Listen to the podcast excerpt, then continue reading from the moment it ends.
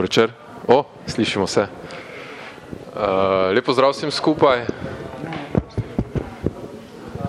Malo smo že, vidim, predpraznično razpoloženi, tako da uh, zato tudi ne bomo preveč resni nocoj, uh, čeprav imamo zelo resne goste oziroma ukvarjajo se z resnimi stvarmi. Uh, pa smo za začetek pripravili tudi malo drugače, ker je to letošnji zadnji misli pred, pred januarskim ponovnim zagonom. In uh, bomo tokrat izvedli tudi eno malo drugačno predstavitev. Smo si zamislili, da, bi, uh, da bodo se gostje tokrat malo drug drugega mogoče predstavili. to je zdaj tudi za njih presenečenje. Nič resnega, ampak Uroš, ti si danes. Um, edini moški predstavnik ob dveh damah, tako da tokrat lahko ti izbiraš, eh, ali bi raje predstavil Heleno in Neonard, ali Majo pa Perfect Body. Eh, Maja ti bo dala mikrofon, evo pa eh, predno bomo pol Heleni tudi predali besedo, pa Maj ti pove, kaj, kaj ti veš o Neonardu. Uh, to ste me za dobro dobili. Oni avto pač vem, da se ukvarjajo z svetlobnimi bistvo, tablami, panoje uh, iz neona, ampak verjetno tudi iz drugih tehnologij, ko smo prej lahko ugotovili, ker smo že tu malo pokramljali. Uh, Uh, drugače pa kaj dosti, naprimer, uh, ne bi vedel v samem podjetju, kako dolgo naprimer, obstaja, pa če so na tujih trgih prisotni ali pa samo pri nas. Ne, to bi bilo mogoče bilo zanimivo zvedeti.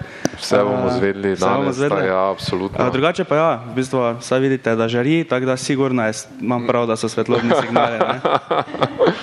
da se pozna, ne? že po direktorci se pozna, v bistvu, s čim se ukvarja. Ok, zdaj Helena ne bo, uh, ne bo govorila o kokici, ampak bo torej uh, Helena govorila o perfect bodyju, uh, tako da pa bo Maja povedala nekaj o kokici oziroma pokici.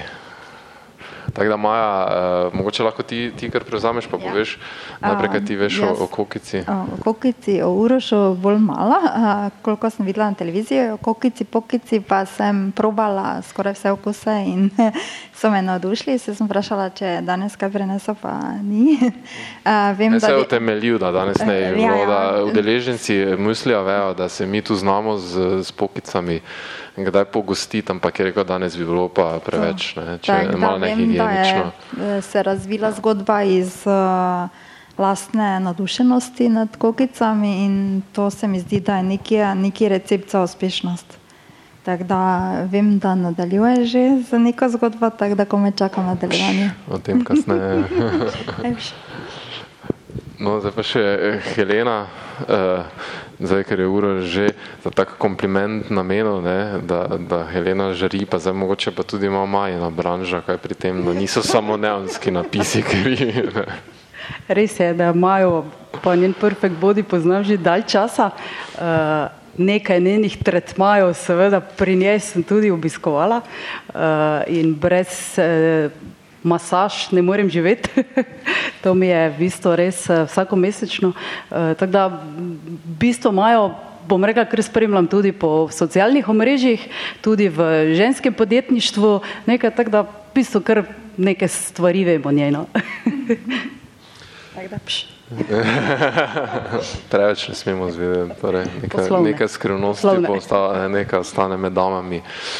Uh, Vredo, zdaj sicer eh, nekako tema je podjetniške zgodbe našega mesta, vi ste na nek način seveda vsi povezani z mestom, imate pa zelo različne backgrounde, ne.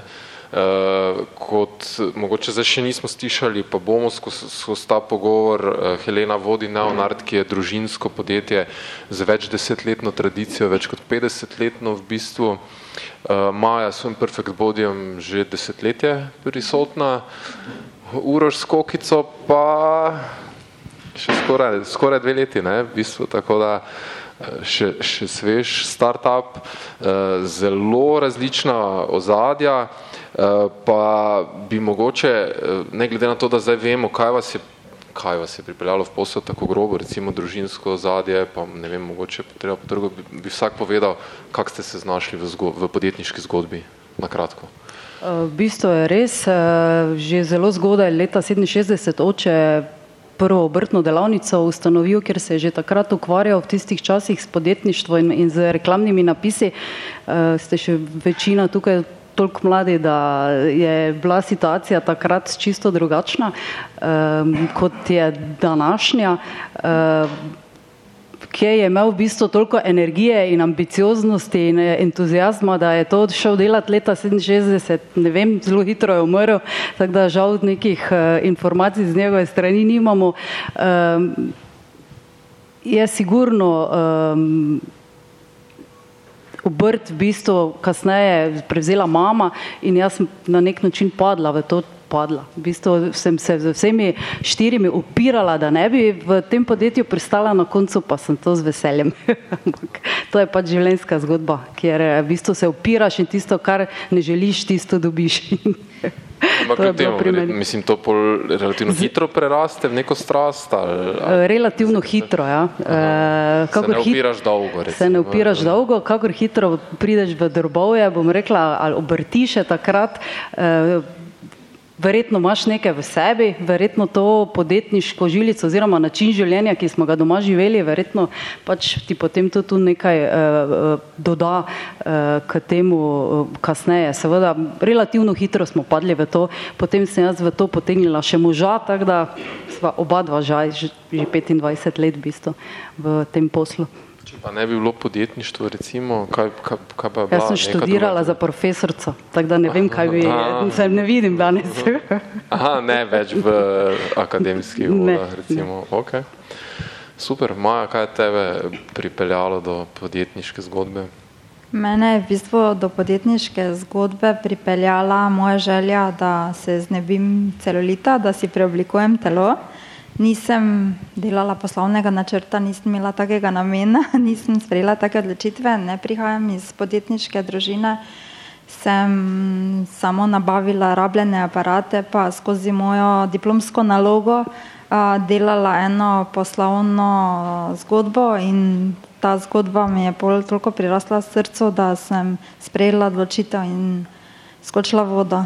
Tako da od takrat dalje pa pol, ker marketing je moja strast, rada se družim, povezujem z ljudmi in delam stvari, kako nečem, stoprocentno.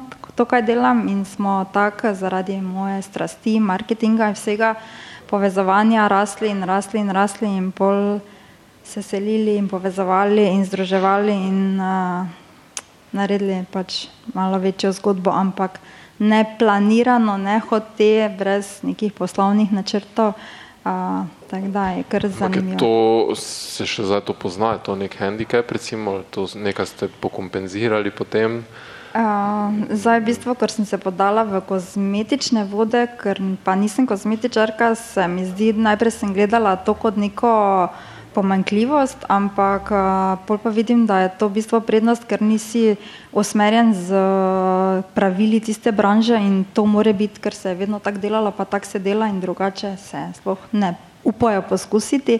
Tako da jaz sem to imela kar uh, pogum, pa sem že od začetka delala stvari drugače, sem kar včasih prišla v kaki konflikt s dobavitelji ali pa s proizvajalci ali pa s kakimi trenerji, ko so mi rekli kozmetičari, da se tak ne dela, ker se ne sme, ampak moja pač logika ženska pa anatomija pa nekaj mi je dalo, da to mora tako biti in sem delala in pol kasneje se no, je dosti krat izkazalo, da so čez par let naredili, tako sem jaz rekla, že proizvajalci, dobavitelji, tako da mi je to bila velika potrditev, tako da svetujem, da vsak uporablja svojo glavo, ne glede na to, kam okolica, to, kaj ti srce pa glava pravi, da slediš. No, v nekih stvarih pa je verjetno treba neke, neke splošne norme upoštevati bolj mogoče, kot pa kje druge.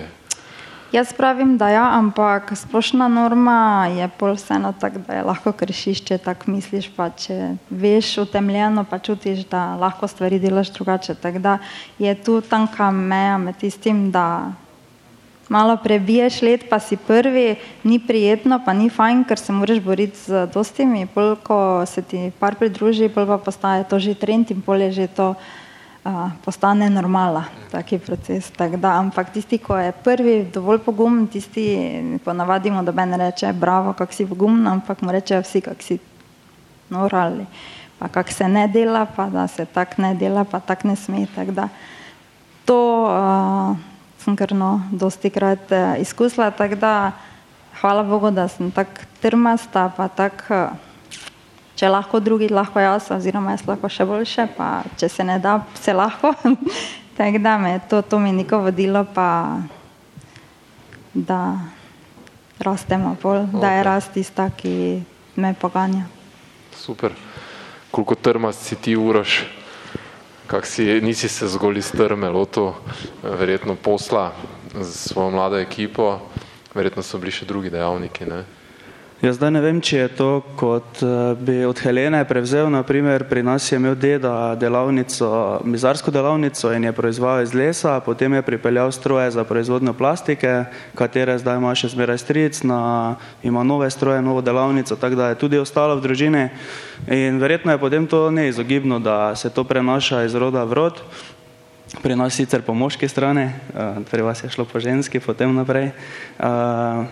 Tako da, ja, verjetno je to ostalo v meni, ta podjetniški duh, eh, da, po, da so že doma domači pokazali, da se da nekaj ustvariti na lastnem dvorišču, eh, dvorišču eh, da ni taki bav bav, pa potem celotna, bi rekel, življenjska pot, kot ti to dansko kot otrok, raste s tem gor v bistvu ne vidiš to kot neki, ne vem, neki bav-bav, se pravi, ni za to neki strah pred tem, zato ker je vse normalno, lepo poteka, se odvija in sprejmeš to kot del življenja. Tako da zdaj za mene, ko smo začeli z podjetjem, ni za bil to velik preskok, ampak je pa bilo nekaj novega, nova izkušnja, zato ker moraš zdaj vse sam, uh, nimaš več nekoga, ki bi ga vprašal, ali nabavimo to ali ne, ampak moraš se sam odločiti in tu je potem vedno tako malo straha v zadju, če si se prav odločil ali se nisi, ali se, ali se bo išlo ali se ne bo. Ne? Na nek način izgleda tako, da se zelo ukvarjate z eno preprosto zadevo, ne? kokica, koruza, zelo simplo, ampak je daleč od tega. Ne? Malo ste tudi oporniški, malo ste drugačni kot so drugi, recimo, malo ste inovativni, hkrati pa ste v nekih uh, bi rekel, v teh okvirih start-upa, nekih zagonskih, kjer je pa tudi zelo težko verjetno prodreti na začetku. Ne? Ja, na, v bistvu na začetku, če bi mi z kokicami začeli zdaj sami od sebe, brez projekta eh, Štartaj Slovenija, bi verjetno bili prisotni na vseh odprtih kuhnah, stojnicah, eh, raznih marketih, potem prireditvah, rojstnodnevnih zabavah, da bi čim širše predstavili naš izdelek, da bi se potem to prijelo, da bi ljudje uh, za to zvedeli. Zdaj pa mi smo imeli eno lažjo pot, v bistvu po eni strani težjo, zaradi nas pa proizvodnja, pa dela 24 ur na dan, ker kot te vrže v tak projekt, pa v špar, uh, so to nenormalne količine. Mi smo zdaj že proizvedli cirka 340 tisoč paketov uh, kokec. To je ogromno, to je se od lanskega leta, od 20. septembra pa do danes zgodilo. Ne? In To je full garanja, zato ker mi kokic ne damo, oziroma kruze ne damo ven stroje, pa potem taka ven pade. Ampak mi kokice spokamo, jih presejemo.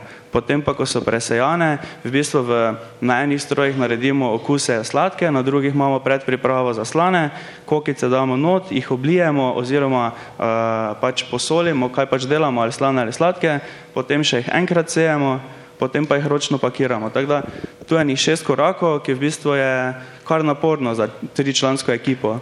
Eh, in to je z dneva v dan eno in isto, ampak gre.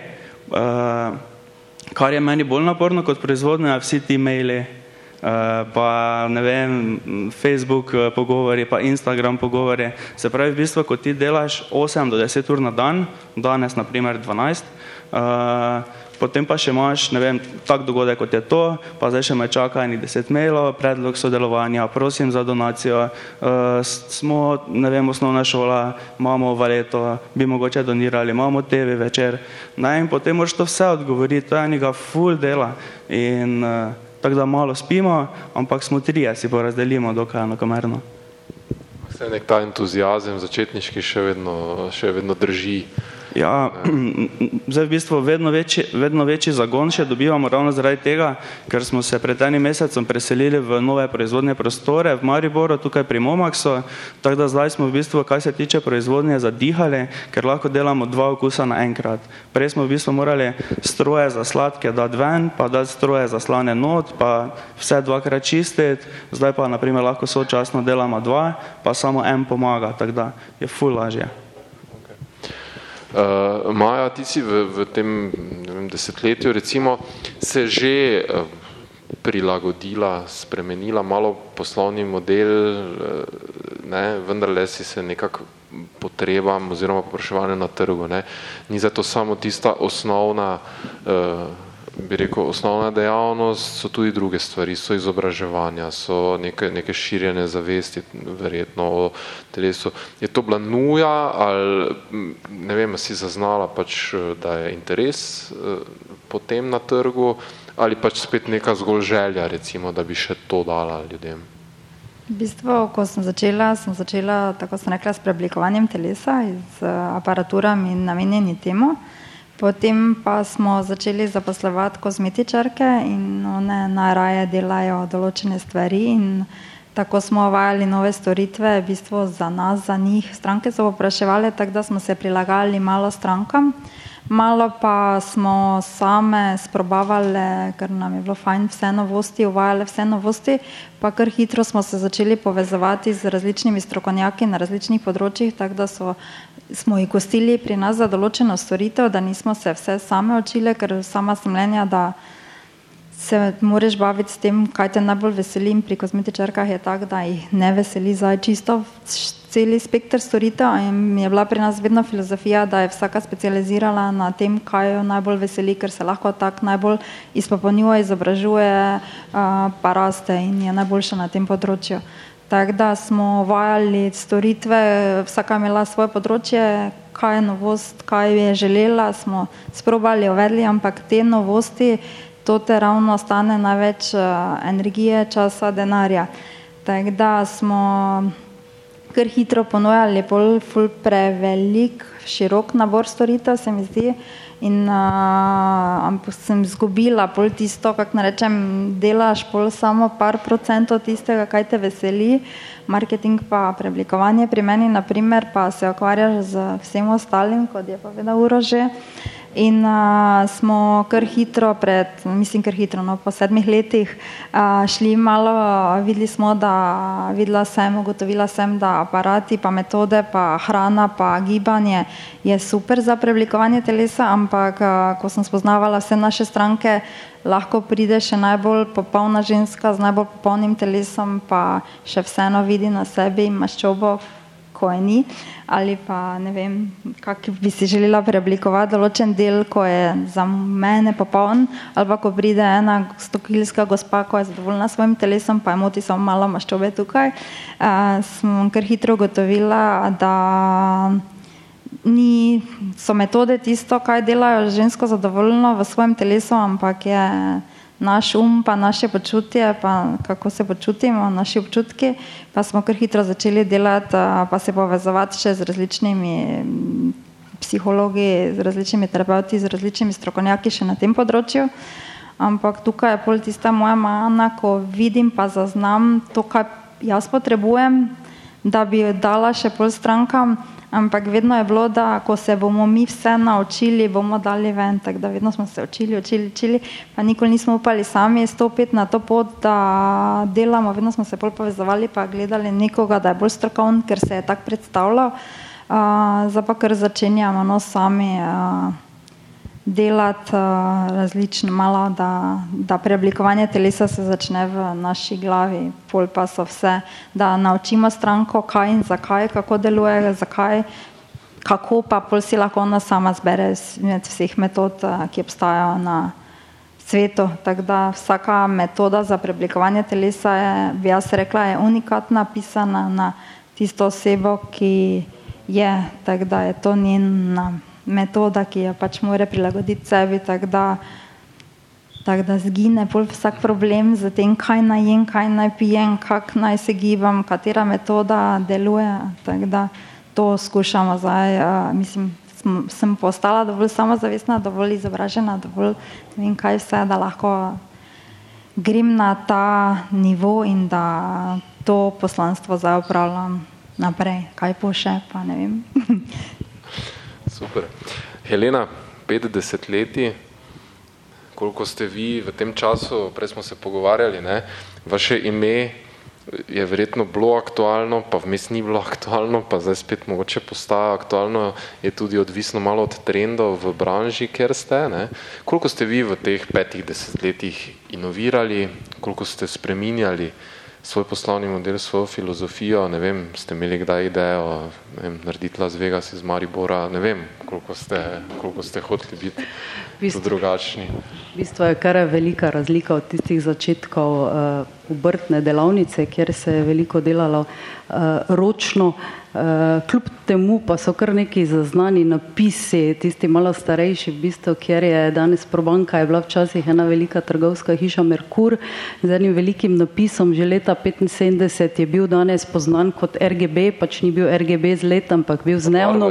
Barve je spreminjal. Barve je spreminjal uh, ta uh, regulator, ki je danes v eni mali škatlici, je tam bil velik, ena velika omara, dvakrat dva metra, v tej je bilo polno noter elektronike.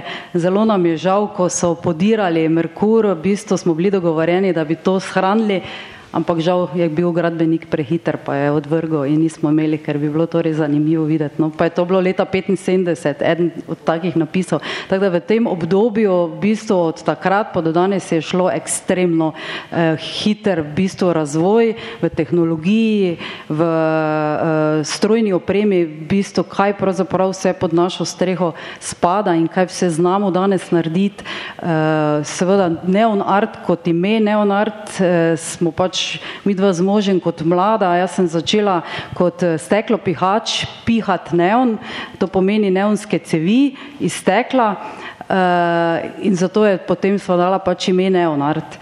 Uh, in potem tega v bistvu čez čas nisva spreminjala, uh, kljub temu, da je pač neon za neko obdobje bil zastarel, da rečem, danes je zopet retro moderno, pa je ta neon zopet aktualen, ampak ime neonart kot takšno je podjetje ostalo, eh, seveda pa sama dejavnost ali pa sama tehnologija pa je daleč od tega, da bi sam neon bil, ampak je tega res ogromno od vseh uh, grafičnih, uh, bom rekla, uh, printanja na, na ceradna platna, printanja na pleksi steklo, na folije, od laserskih razrezov do uh, predelave kompletne pleksi stekla, da pridemo do enega izdelka, to je en kup oddelkov, en kup strojev, da prideš v bistvu do ene reklame.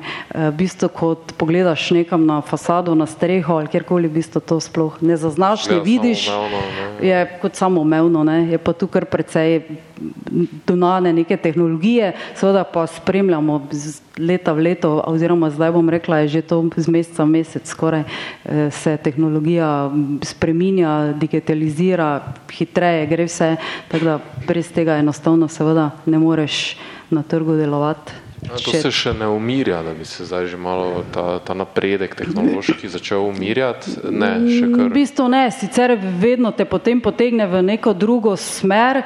Uh, mi mogoče nismo toliko eh, šli v smer samega, ne vem, digitalnega printa, da bi printali velike jumbo plakate, ampak smo bolj šli v smer uh, ostale uh, obdelave, bom rekla pločevine, uh, obdelave ali pa leta razsvetljave v samem samih eh, reklamnih tablah bolj v eno specifično dejavnost, ki je pač vsak, ali pa en del dejavnosti, ki pač vsak tudi ne zmore ali ne zna, uh, ker pač digitalni print je danes dejansko bistveno lažje kupiti stroj pa sprintati kupe, ne vem, na papir, na folijo in podobno. V tej smeri, kjer pač potrebno z naše strani recimo narediti en lep reklamni pilon, da rečem, ali steber pred reklam, pred poslovno zgradbo, je pa že potrebno malo več nekega znanja, tehnologije, eh, strojne opreme eh, in potem seveda od statike do, do postavitve in tako naprej. Ena specifika, kjer pa smo mi, bom rekla, najbolj vešči, pa v bistvu res profesionalni v tej smeri. Ja, tu so izkušnje najbolj dragocene v takem delovnem procesu, kot je pač Tako. pač vaš. Tu razvijate, ne? niste samo nek izvajalec. V bistvu. Nismo izvajalec, ampak skozi leta v bistvu uh, smo tudi, lansko leto smo ravno en stroj v bistvu kupili nov, ker smo z neke ideje z korejskim podjetjem v bistvu smo mu mi podali kot, kot uh, izkušnje iz prakse, kaj pa bi bilo verjetno nam, ki izdelujemo fino na tem stroju, imetne. Uh, bom rekla, no, tri leta nazaj, ne, lani je ta stroj v bistvu to že vseboval. No, super, tako da obraten, obraten proces tudi teče. Ne? Tudi. Koliko pa se je okolje spreminjalo skozi ta desetletja, recimo, koliko je bilo, kdaj je bilo mogoče bolj, kdaj je manj naklonjeno podjetništvu, pa kak, kako je zdaj ugodno za podjetništvo? Jaz mislim, da dobro, v, v podjetništvu si je več ali manj skosno vaje nekih spolno in pacev. Ne. E, prilagoditi je tista zadeva, prilagodljivost, ki je zelo potrebna v samem podjetništvu, ne, pa da te v bistvu ne stre, marsikaj pride negativnega, ne, ali pa iz tistega negativnega, tako kot je bila leta 2010 kriza, eh, potegneš nekaj pozitivnega, ne, rečeš nekaj se moram naučiti, mogoče dobiš eno malo brco, pa rečeš, aha, mogoče pa treba produkt spremeniti, mogoče pa treba nov produkt eh, dati na trg, mogoče pa treba še kakšen drugi trg pogledati, ne, kar je, mislim, da zelo eh, dobrodošlo, seveda, okolje se spreminja, eh, sploh v zadnjih letih ali pa bom rekla, so nakupne navade čisto drugačne, kot so bile včasih. In seveda, če tu nisi v toku dogajanja, tudi z našimi zadevami, je seveda zelo težko ali pa ne mogoče v bistvu sploh obstati. Eh, tako da je seveda avtomatsko je treba neko spletno trgovino bilo potrebno dodati neke artikle, ki so, ki so pač eh, kot gotovi izdelki, ker se lahko po spletu prodajajo. Eh, to potem vse sporedno zraven, pač potem imaš seveda odprte oči, gledaš, kaj je potreba na trgu, kaj kupci iščejo, poiskati še neko bazo ali pa neko, nek kupce drugačnih, manjše kupce, kjer si na ta način potem pač, bom rekla, pripelje še kupce za kaj druga ne, na ta način. Ste se kdaj v tolikšni meri opirali na okolje, da bi recimo tudi eh, kakšne spodbude eh, koristili iz teh podpornih mehanizmov? Moram reči, da, da ja, v bistvu ni to seveda prioriteta, na kateri bi podjetje raslo ali stalo ali karkoli, ampak seveda, če je možnost eh, obstajala oziroma če obstaja, smo zelo uh, spremljamo v bistvu razpise, ki, se, ki so na trgu in moram reči, da smo bili že trikrat deležni uh, subvencij, recimo za nakup tehnološke opreme in če v bistvu pogledamo seveda že pri razpisu samem, naredimo neko samo ocenitev eh, ali sploh gremo v razpis ali ne in če vidimo, da seveda je to velik procent, da je temu tako, potem seveda razpis eh, eh, se prijavimo. In moram reči, da pač že trikrat smo tega bili deležni in če dobiš neko spodbudo, ki je lahko, ne vem, 30-50 procentna uh, subvencija, potem je seveda to ogromno uh, pripomore, seveda, če imaš neko vizijo razvoj, da veš, da to potrebuješ in kam greš potem naprej. Ne. Uh, ja, koristimo, če, če je seveda. Možno. Tega je verjetno danes več, kot je bilo, ne vem, 30 let nazaj. Ne. Ja, mislim, da za 30 let nazaj ne vem, če je sploh verjetno tega sploh ni bilo, ne, teh mehanizmov. Danes je pa tega kar nekaj, ja. Mm. Urožviki ste še čisto sveži, ti si še malo pod vtisom, ne? tudi Slovenski podjetniški sklad, ministrstvo, mehanizmi, SK, P2, uh, kak, kakve so vaše izkušnje? Ja, v bistvu mi smo dejansko idejo začeli razvijati, ko smo se inkubirali v tovarni podjemo, ker je bil naš pač cilj, da začnemo z, na, tako, da pač eh, se prijavimo na razpis P2, slovenskega podjetniškega sklada in eh, potem skozi sam razpis razvijamo kokice, izdelek, nabavimo stroje, polje pa sočasno prišel drug projekt, pa nas je to dalo na drug tir, na bolj hitrega, pa je bilo potrebno vse narediti v 3-4 mesecih, ampak drugače je moje mnenje, da je pravilna pot ravno ta, da se inkubiraš, da dobiš te podjetniške nasvete, ki so bili ful koristni, greš skozi tista izobraževanja, dobiš smernice, še kar pa najbolj pomembno je pa, da dobiš neke roke, ker ko ti dobiš roke, Vi začneš delati na svojem projektu aktivno. Ni več samo tisto, ko se pogovarjaš o pijači, pa se malo dobiš, ampak imaš rok čez en teden, se pravi, potrebno je oddati to pa to, prikazati to pa to in to te ful spodbudi, da narediš ogromno dela. Se pravi, mi smo imeli, uh, ne vem, v dveh mesecih narejen celi poslovni načrt, celo analizo trga, celo segmentacijo kupca, grafično podobo, uh, ideje naprej, tekstualni del napisan, predtem smo se sploh prijavili v Štarte Slovenija. In ko smo mi to vse ta prinesli, je bilo ok, to ti so, ti so resne, ne? čeprav nismo imeli ne stroja, Naredili smo v Banici doma, pa v Ponvicah kokice, delali smo jih cel teden. Eh, ko smo prišli ta, si imel pič, to so nas tudi naučili na tovarni podjemo, kak pičati, kaj predstaviti, kaj so pomembne, pomembne točke. In naprimer, ko je mene tam vprašal predstavnik Špara, koliko je naša kapaciteta, sem jaz verjetno rekel 5000 na dan. To še danes nimamo, ne? Ampak ampak pač to so stvari, ki pač drugače ne bi bilo vsega tega. Ne? Ampak če ne bi teh izkušenj skozi. Samo zavesti dobil ja, tudi v tovarni podjemo. Ja, ampak če teh izkušenj ne bi dobil skozi ravno ta razpis, ne, bi tam verjetno kako drugače reagiral, pa mogoče sploh danes ne bi bilo vsega tega. Tako da fajn, da imaš nekega mentorja, če ne druga, ne vem, roke so važne, ker vse vemo, kak smo, če nimaš nekaj tik pred zdajci, pol, ne, to se vleče lahko leto, dve. Maja, ti roko nisi imela, ne? ker si rekla, da si zaobšla vse te eh, neka teoretična eh, neke postopke, ki na, sicer veljajo v podjetništvu, je zato trajalo dlje v bistvu? V bistvu sem se jaz kar dosti to, pri tovarnem podjemu učila in hodila na vse, hvala Bogu, ker sem ekonomija pa marketing, da sem v teh vodah, me vse to zanima, da ni tista kozmetična, ker pol kozmetičarka dela svoje delo in se ne ukvarja z drugimi stvarmi, tako da jaz pa sem, ker moram reči, čeprav nisem bila njihova rvanac, ampak sem na kar dosti Sama sem se naučila na spletne strani delati, optimizirati Facebook, vsa ostala stvari, ker me je res to zanimalo, pa ker tudi nisem imela budžeta, da najamem ne vem kaj vse, koga vse. Uh, sem se posluževala vseh, uh, vse, kaj sem se lahko naučila, pa sem pol implementirala, pa videla, kaj deluje, kaj ne.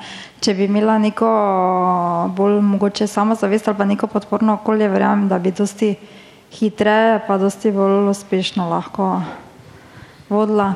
Sem pa dobila neprecenljive izkušnje, tako da ne vem, zdaj, če bi zamenjala.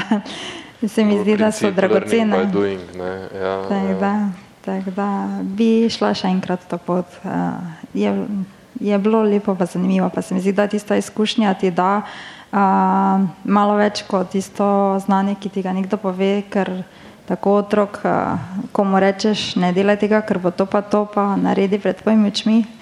Tako tak bi verjetno bila jaz tudi, tako da sem več mogla na lastni koži vse izkusiti, kaj je vredno, kaj pa ni. Glede na dejavnost si ti recimo s trgom precej omejena, ne? tudi lokacijsko je vezano pač dejansko tam, kjer si.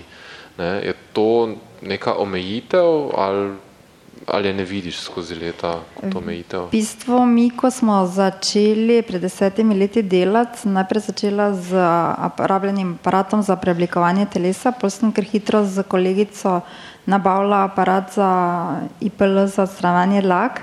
In ker je takrat marketing v kozmetični branži bil takšen, da se ni javno objavljalo cen, Uh, ker bo pol dala konkurenčni salon uh, dražji ali oziroma cenejše in bo ona, kozmetičarka, zgubila vse stranke. Tako razmišljanje je večinoma bilo. Uh, Ostravanje dlak z temi aparati so delali večinoma dva medicinska centra v Mariboru. Jaz pa sem delala pač marketing na svoj način in smo imeli kar hitro stranke iz cele Slovenije, ker smo pač preko interneta, preko Facebooka uh, delali, optimizirali strani in vse ostalo. In uh, sem razmišljala kot stranka, jaz sama ne bi šla na deset vem, v salonu pogledati, kak je, pa pol mi dajo ceno, pa pol sem mogoče odločila. Mi pa, ko smo imeli brezplačni pregled, test, pa uh, javno vse cene in vse, zakaj, kako, vsa uh, odgovore na vsa pogosta vprašanja, vse slike, ki so bile pri nas nastale. Uh, smo imeli tako zaupanje, strokovnost, eh, ne glede na ceno. Tako da je bila malo dražja storitev, ampak so se iz Nove Gorice, iz cele Slovenije, no, praktično vozili k nam, tako da, ker smo kar delali marketing tudi v rumenih časopisih z znanimi osebnostmi, smo kar hitro zrasli v očeh in hitro pridobili stranke iz cele Slovenije, tudi iz Dogradca oziroma še kakšne stojine, ker smo še kaj v angliščini kdaj napisali, ko so prišli na Maribor. Sodelovali smo pol hir hitro, so nas veliki poklicali, Petrol, Tuš pa nam ponudili kako sodelovanje, kakšne kompenzacije, kako reklamiranje, tako da je ta pot pol hitreje šla Tako da dober marketing, grafična podoba. Ti v svet pride svet na nek svet, način k ja. tebi, ne?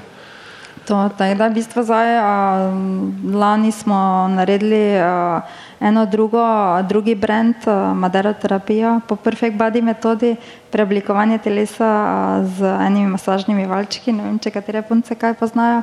A, tukaj pa smo, delamo tečaje, izvajamo tečaje po celi Sloveniji, Hrvaški, v Avstrijo zdaj prodiramo, tako da delam. Se je po moji podjetniški poti šla še kar par brendov, smo ustvarili, naredili, tako da je.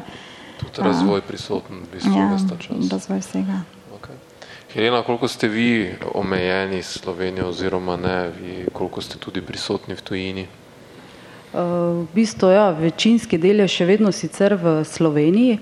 Veliko teh naših slovenskih eh, podjetij spremljamo seveda tudi na Hrvaško, Srbijo, Črnogoro. Eh, čisto samostojno pot eh, pa vodimo od letošnjega leta v Avstriji. Skusili smo si v bistvu tudi avstrijski trg, smo prečesali, bom rekla, od kompletn vse smeri. Eh, tudi konkurenčna podjetja eh, videli, kje nam je mesto, kaj lahko počnemo, kaj nočemo početi in kar v bistvu eh, smo z podjetji, ki v Avstriji, se pravi podobnimi kot smo mi, smo sodelovali, bili smo njihovi kooperanti, vendar smo spoznali, da znamo več, da smo sposobni več in da se lahko gremo nekaj druga, kar oni od nas zahtevajo. In seveda smo več z večino v bistvu prekinili odnose, bom rekla, sicer v odnosih kot tak prijateljskih, ampak ne poslovnih pa nismo. E, enostavno pač avstrijski trg je v naši branži takšen, e, da se na tem trgu ne, ne konkuriramo z avstrijskimi podjetji, ampak z vsemi ostalimi, ki so na tem trgu, se pravi od Poljakov, Bolgarov, Romunov, Čehov, Hrvatov in vseh. Uh, Avstrijci so v glavnem ta svoja proizvodna podjetja, na, kot je naša branža, zaprli, je proizvodnja pri njih predraga.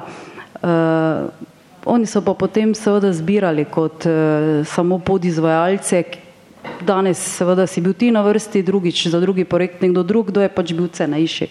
Uh, mi v bistvu s tem se več nismo strinjali in gremo svojo pot, to pomeni, uh, imamo svojo komercijalo v Avstriji, svoje podjetje v Avstriji in vemo, da bo to sicer trajalo malo dalj časa, ampak vemo, da je to sigurno eh, stoprocentno in da en kolač te torte v Avstriji bo tudi naš. Super. Martin, imamo vprašanje, uh, mikrofon Karmen. Za Heleno. Kdo je pa pravzaprav vaš, um, tisti tipični naročniki, to končni plačnik, so to arhitekti, marketing agencije, če recimo zdaj v Avstriji rečemo, komu pravzaprav prodajate v Avstriji? Mi v bistvu prodajamo končnim kupcem in to je tudi cilj. Uh, sodelujemo pa z arhitekti, oblikovalci, oglaševalskimi agencijami. Je pa veliko v zadnjem času v bistvu teh nekih marketinških pa oblikovnih zadev, če so sploh večja podjetja, v bistvu imajo podjetja sama. E, tako da v glavnem, v večini primerov smo mi kar pri končnih kupcih. E, ja, so pa arhitekti ali pa oblikovalci, s katerimi sodelujemo v tej smeri, da neke rešitve ali oblikovno seveda mi pra, spravimo v življenje, v operativo in potem tehnično skupaj dorečemo za naročnika. Torej, predvsem z njihove strani, recimo, ta stroka pristopi, ali tudi z vaše? E, tudi, ali bom rekla, ali z naše, mi pač sodelujemo z, ravno tako z, z svojimi oblikovalci in arhitekti, če pa omenim, ne vem, velika slovenska podjetja imajo pa v bistvu svet marketing in oglaševalske agencije svoje, e, tako da potem v bistvu z njimi skupaj sodelujemo. Okay, hvala. Še kako vprašanje v tem trenutku? Kaj pa je sicer najtežje recimo v podjetništvu? Ne vem, prava ekipa, pravi kupec, eh, prava ideja. Vse, v bistvu, eno brez drugega ne gre. Ne? V bistvu je vse, ta trenutek je v bistvu zelo težko za delovno silo. Seveda imamo eno to slabost, Mari Vrčani, da smo zelo blizu meje. Uh, in uh, je v bistvu zaradi pač zakonov ali pa delovno, toge delovno, delovno pravne zakonodaje pri nas v Mariboru toliko težje kot pa mogoče v srednji Sloveniji, ne, zadržati ljudi tukaj. Ne. Uh, tu upam, da bodo spregledali uh, nekje na vrhu ali pa v Ljubljani, da je treba tu nekaj spremeniti, kar verjamem, da bi večina ljudi, iz, ki dela v Avstriji, verjetno ostala raje doma. Um, Tako da vse skupaj je v bistvu uh, potrebno, uh, delovna ekipa, seveda dobre kupce, uh, za vse to pa je seveda 365 dni potrebnih aktivnosti, uh, motivacije pri, pri ljudeh, uh, prav, prav tako neko zaupanje pri kupcih ustvariti, eno brez drugega pa seveda ni možno. Okay.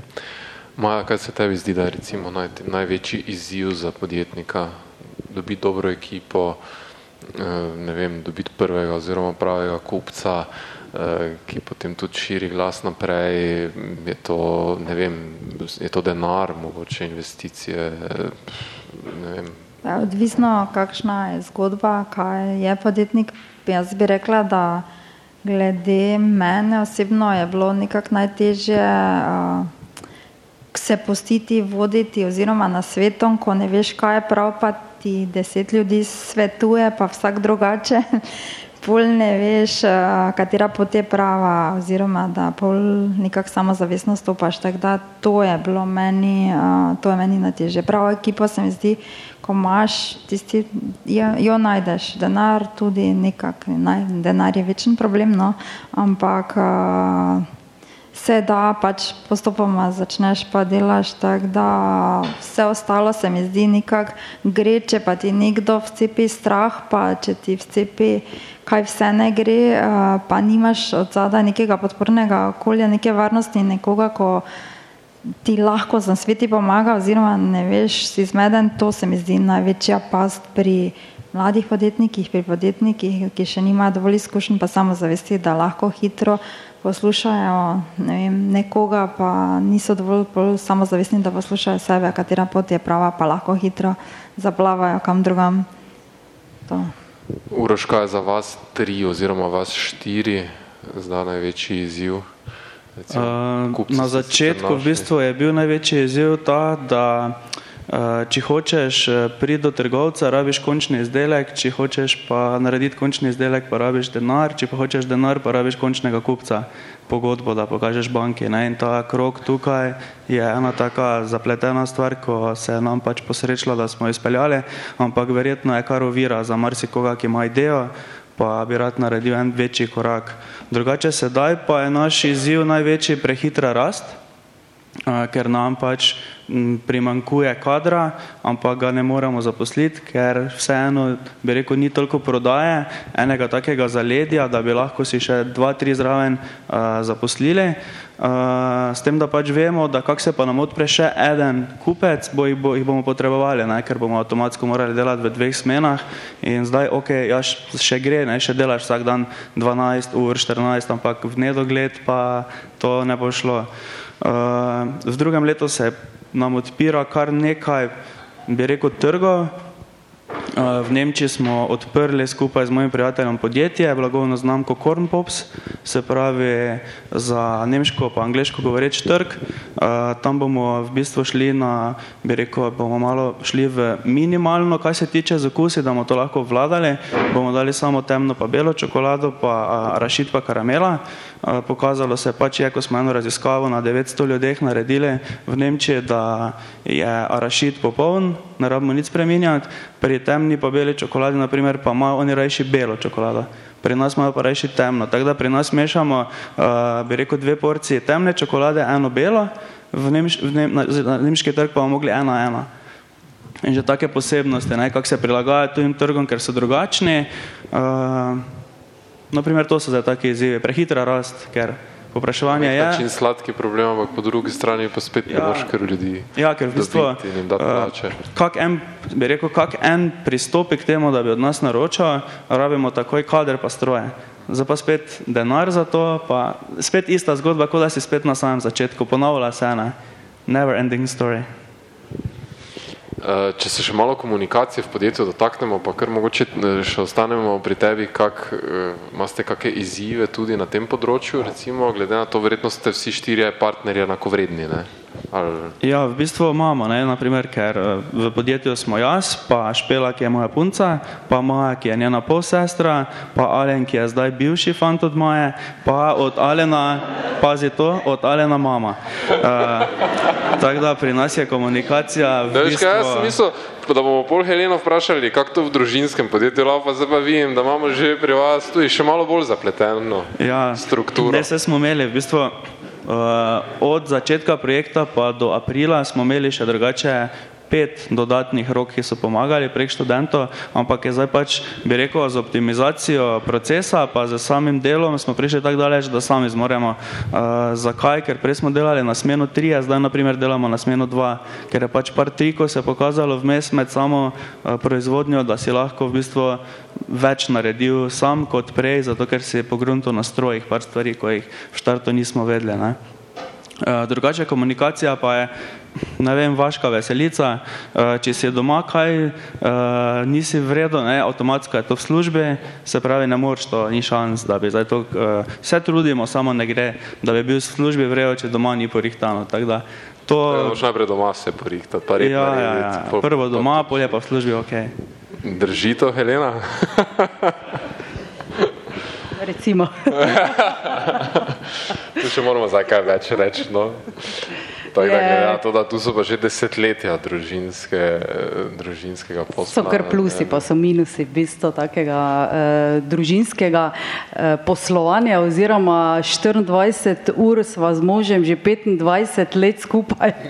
to rečejo, da smo fenomena, ne? ampak eh, ja, tako kot pravi Uroš, ne? je to v bistvu, če ni doma, če ni v službi in obratno, ok, potem težko eh, laufa. Je pa res, da je tu potrebno dosti, eh, bom rekla, prilagajanja, dosti pogovora, eh, pa seveda isti cilj, ne? to je v bistvu tisto, kar je seveda pomembno in da si naloge razdeliš in da v bistvu res imamo razdeljeno, eh, ne vem, če rečem, jaz vodim se pravi finance, kadrovsko nabavo, del prodaje, mož ima recimo proizvodno koordinacijo, montažo, pa del prodaje pač skozi, bom rekla, proizvodno, da rečem, ali pa tehnologijo, uh, je treba kar imeti razmejene neke zadeve, pa drugače nama je to pač nek način življenja, ki ga že vseh teh 25 let tako živijo, je nama v bistvu sploh ne, zna ne znam pa drugače živeti. No. Z leti kaj um, lažje to, ali je to vaška veselica, ki kar traja v bistvu?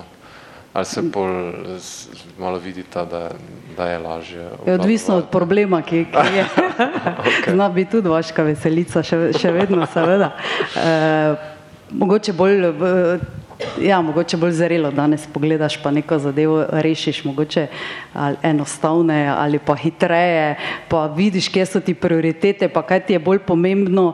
Eh, pa probava pač čim bolj to eh, privatno, pa poslovno, bom rekla, ali kakšne sestanke, da čist konkretno rečem, ne vem, če je fajn v petek si v Ljubljani organizirati sestanek zato, ker je še vikend pred tabo, ne, pa priješ kome v nedeljo domov, ne, recimo. pa na ta način skombiniraš, ne, malo to, eh, ali pa ne vem, greš nekam v tujino na sejem, pa si dva dni na sejmu, ne, tri dni pa še kaj druga, druga pogledaš, ne. Na ta način moraš v bistvu nekako znati to, uh, v bistvu drdo delati, garati, uh, pa znati tudi v bistvu potem si vzeti čas pa tudi uživati uroš vedno lažje bo. Eh, Maja, predstavljam si, da je Perfect Body, da je to čisto ženski kolektiv. Ja, pomeni, v bistvu je moj partner za zadnje leta vpet v to. Njega sem spoznala, ko sem si hodila preoblikovati telo s pomočjo fitnesa. Tako da sem se bolj zaljubila v svojega trenerja. Ja. Tako da bolj kar hitro, mislim, ima podobno filozofijo, da ne preoblikuje telesa, ampak svoj um. Uh, in smo krojila pol kar uh, nekaj zgodb skupaj, tako da je pol po moji porodniški še bolj se vpleto v perfekt body, tako da je zdaj uh, pa, pa maderoterapijo, je kar, kak rečem, skupaj z mano razvil, tako da je tudi partner pet zadnja leta tukaj, uh, svakinja, tako da Je, je, tudi je nekaj, nekaj je, je, ni družinsko, ampak vpelješ valjda svoje bližnji bolj, ti najbolj pomagajo, pa so nekako eh, vpeti, kak se le da, tako da je pestro in zanimivo. Uh, ti si že omenila novosti, ki ste jih peljali, ne? Uroš pa nam je namigno, da oni pa, pa navržemo lahko, da v bistvu živi, čeprav uh, so kokice še čisto sveže, pravkar počene na zraku, ne, pa se že z eno novo zgodbo tudi malo spogledujete ob tem, še, še, še migate, še energije. Ne. Ja, zdaj bom šel po vrste. Prvo so bile pokice, uh, potem smo v bistvu šli ponovno na razpis z uh, našo novo idejo, sicer projekt se imenuje Čokica, ampak verjetno bo kakšno drugo ime potem na polici. In sicer, ko mi, ja, ko mi kokice sejemo, nam ostaja ogromno kokic, ki pač niso teh pravilnih velikih oblik. In zdaj se nam to v bistvu odvaža kot odpadek iz proizvodnje, pa nam je tega škoda. In smo se odločili, da bomo to mleli v eno fino moko, dodajali proteine, razne okuse in bo v bistvu nastala tablica, ki pa ne bo, ne bo to visokokalorična, pa ne bo dietna, ampak bo šlo za v bistvu uravnotežen prenosni obrok, tako da bo vsebovala vsega dovolj, da lahko tisto res nadomestiš tam med deseto pa med eno, kot te malo prime, za eno tako fino tablico, v bistvu dnevni vnos ali pa bi rekel ob, vnos obroka, no, v bistvu tak, da bo enako vredno. To je prva stvar, pol smo pok... Ste se prijavili tudi na P2? Ja, na P2 pa smo ga tudi, ja, smo ga dobili, tako da uh, zdaj bo to v bistvu že receptura se še finalizira, ker nas malo muče, ker če hočeš res imeti točno vsega enakovredno, uh, moraš recept prilagajati gramature, tablice. In zdaj se še tu lovimo, koliko grama bo na koncu tablica imela, ker ne sme imeti preveč, da lahko poješ. Tu se še malo lovimo, ampak mislim, da bo počasi se tudi to nekako skristaliziralo. Uh, pol smo še kokice pomanjšali, na 55 gramov uh, smo jih dali v avtomate, se pravi zdaj na v Ljubljani že lahko na avtomatih, pa od danes naprej tudi na Primorski pa na Dolenski. Uh, lahko v teh avtomatih, ko so vse te čokoladice, tudi pokice, no dobite v malih Eh, bi rekel, paketkih. Eh, za naslednjo leto, za spomlad pa pripravljamo za sodelovanje še z partnerskim podjetjem eh, Sladoled. Tako da še bo sladoled prišel ven. Uh, Ki ne bo podlegel strogo trendu ekobio, ne, ampak bo predvsem. Ne, naš bo dober, dober tako da. Uh, čist tako enostavno, dober, mislim, je že dober, smo ga že naredili, zdaj v bistvu za te 600 litrov, tako da niti ne vemo, kam ga naj, tako da ga ne vem, kam ga naj damo, ker ga imamo ful, tako da, če ima kdo čas, pol lahko gremo na sladoled. Častiš enzimski sladoled. Ok, pa za konec še Helena, inovirate, kaj, kaj pripravljate, kaj bo naslednja velika stvar za Avstrijo, recimo, kak produkt? Kaj, Nam so kar veliki izzivi, bom rekla, vedno bolj v bistvu nismo zadovoljni, ker z, bom rekla, enostavnimi ali pa zelo navadnimi, ne vem, reklamami, tablami in podobno. Pač nam so izzivi. Eh, Kompleten projekt prevzet, ne vem, če omenim ne vem, zadnje projekte, to so recimo tukaj na avtocesti, kjer sta McDonald's, Marše pa Petrol, recimo vse, kar je pač na teh dveh benzinskih servisih, da rečem vizualnega zavideti, je v bistvu šlo skozi naše roke. E, to pomeni od teh visokih pilonov do statičnega dela, do v bistvu fizične izdelave, do samih e, manjših pilonov, obeležij, hip-hopov, e, vse, kar pač je v bistvu vizualnega povezanega. To je tisto, kar nas nekako vemo, da smo to sposobni, da to zmoremo, da to znamo in da nam to v bistvu najbolje gre. Ker pa pač vse kompleksno zadevo se pač vsak v bistvu ne zna lotiti ali pa mogoče je težje se lotiti, kompleksno rešiti eh, zadeve, ker so tu že podve, povezane, eh, tako se neka statika, ključovničarska eh, dela, tu so že potem velike tonaže, ker so prisotno zraven velika dvigala, košare, rizike in podobno.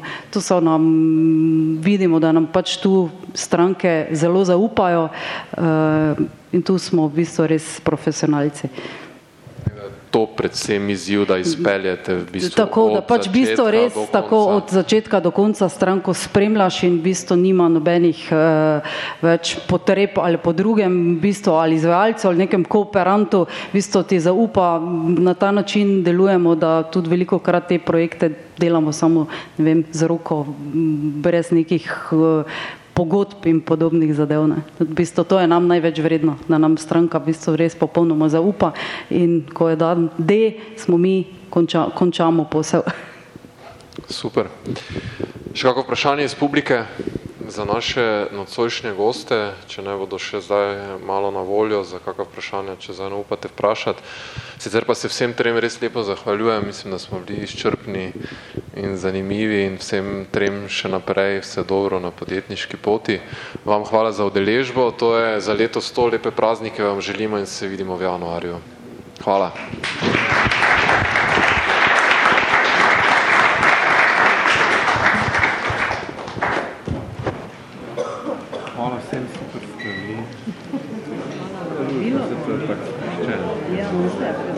Danes se prvič poznala, da smo šlo, da je drugače po 120, stoji. Ja, se prvič, danes malo že mogoče ne vem, kaj decembrsko izkušnja, kaj, ne, še vedno dobro. Ampak danes je bilo 60 prijavljenih. Čisto bistvo, tako če jih je več, je kar mešano, tudi preide v srednjo generacijo. Tako drugače pa dosti je študentov, tudi z EPF-a, pa to ti zelo radi pridejo, drugače tako vse ti prijavijo. Tako, pa tako vidimo in mi na vseh teh naših dogodkih, bolj ali manj so kar dosti se ponavlja, ali na delavnica.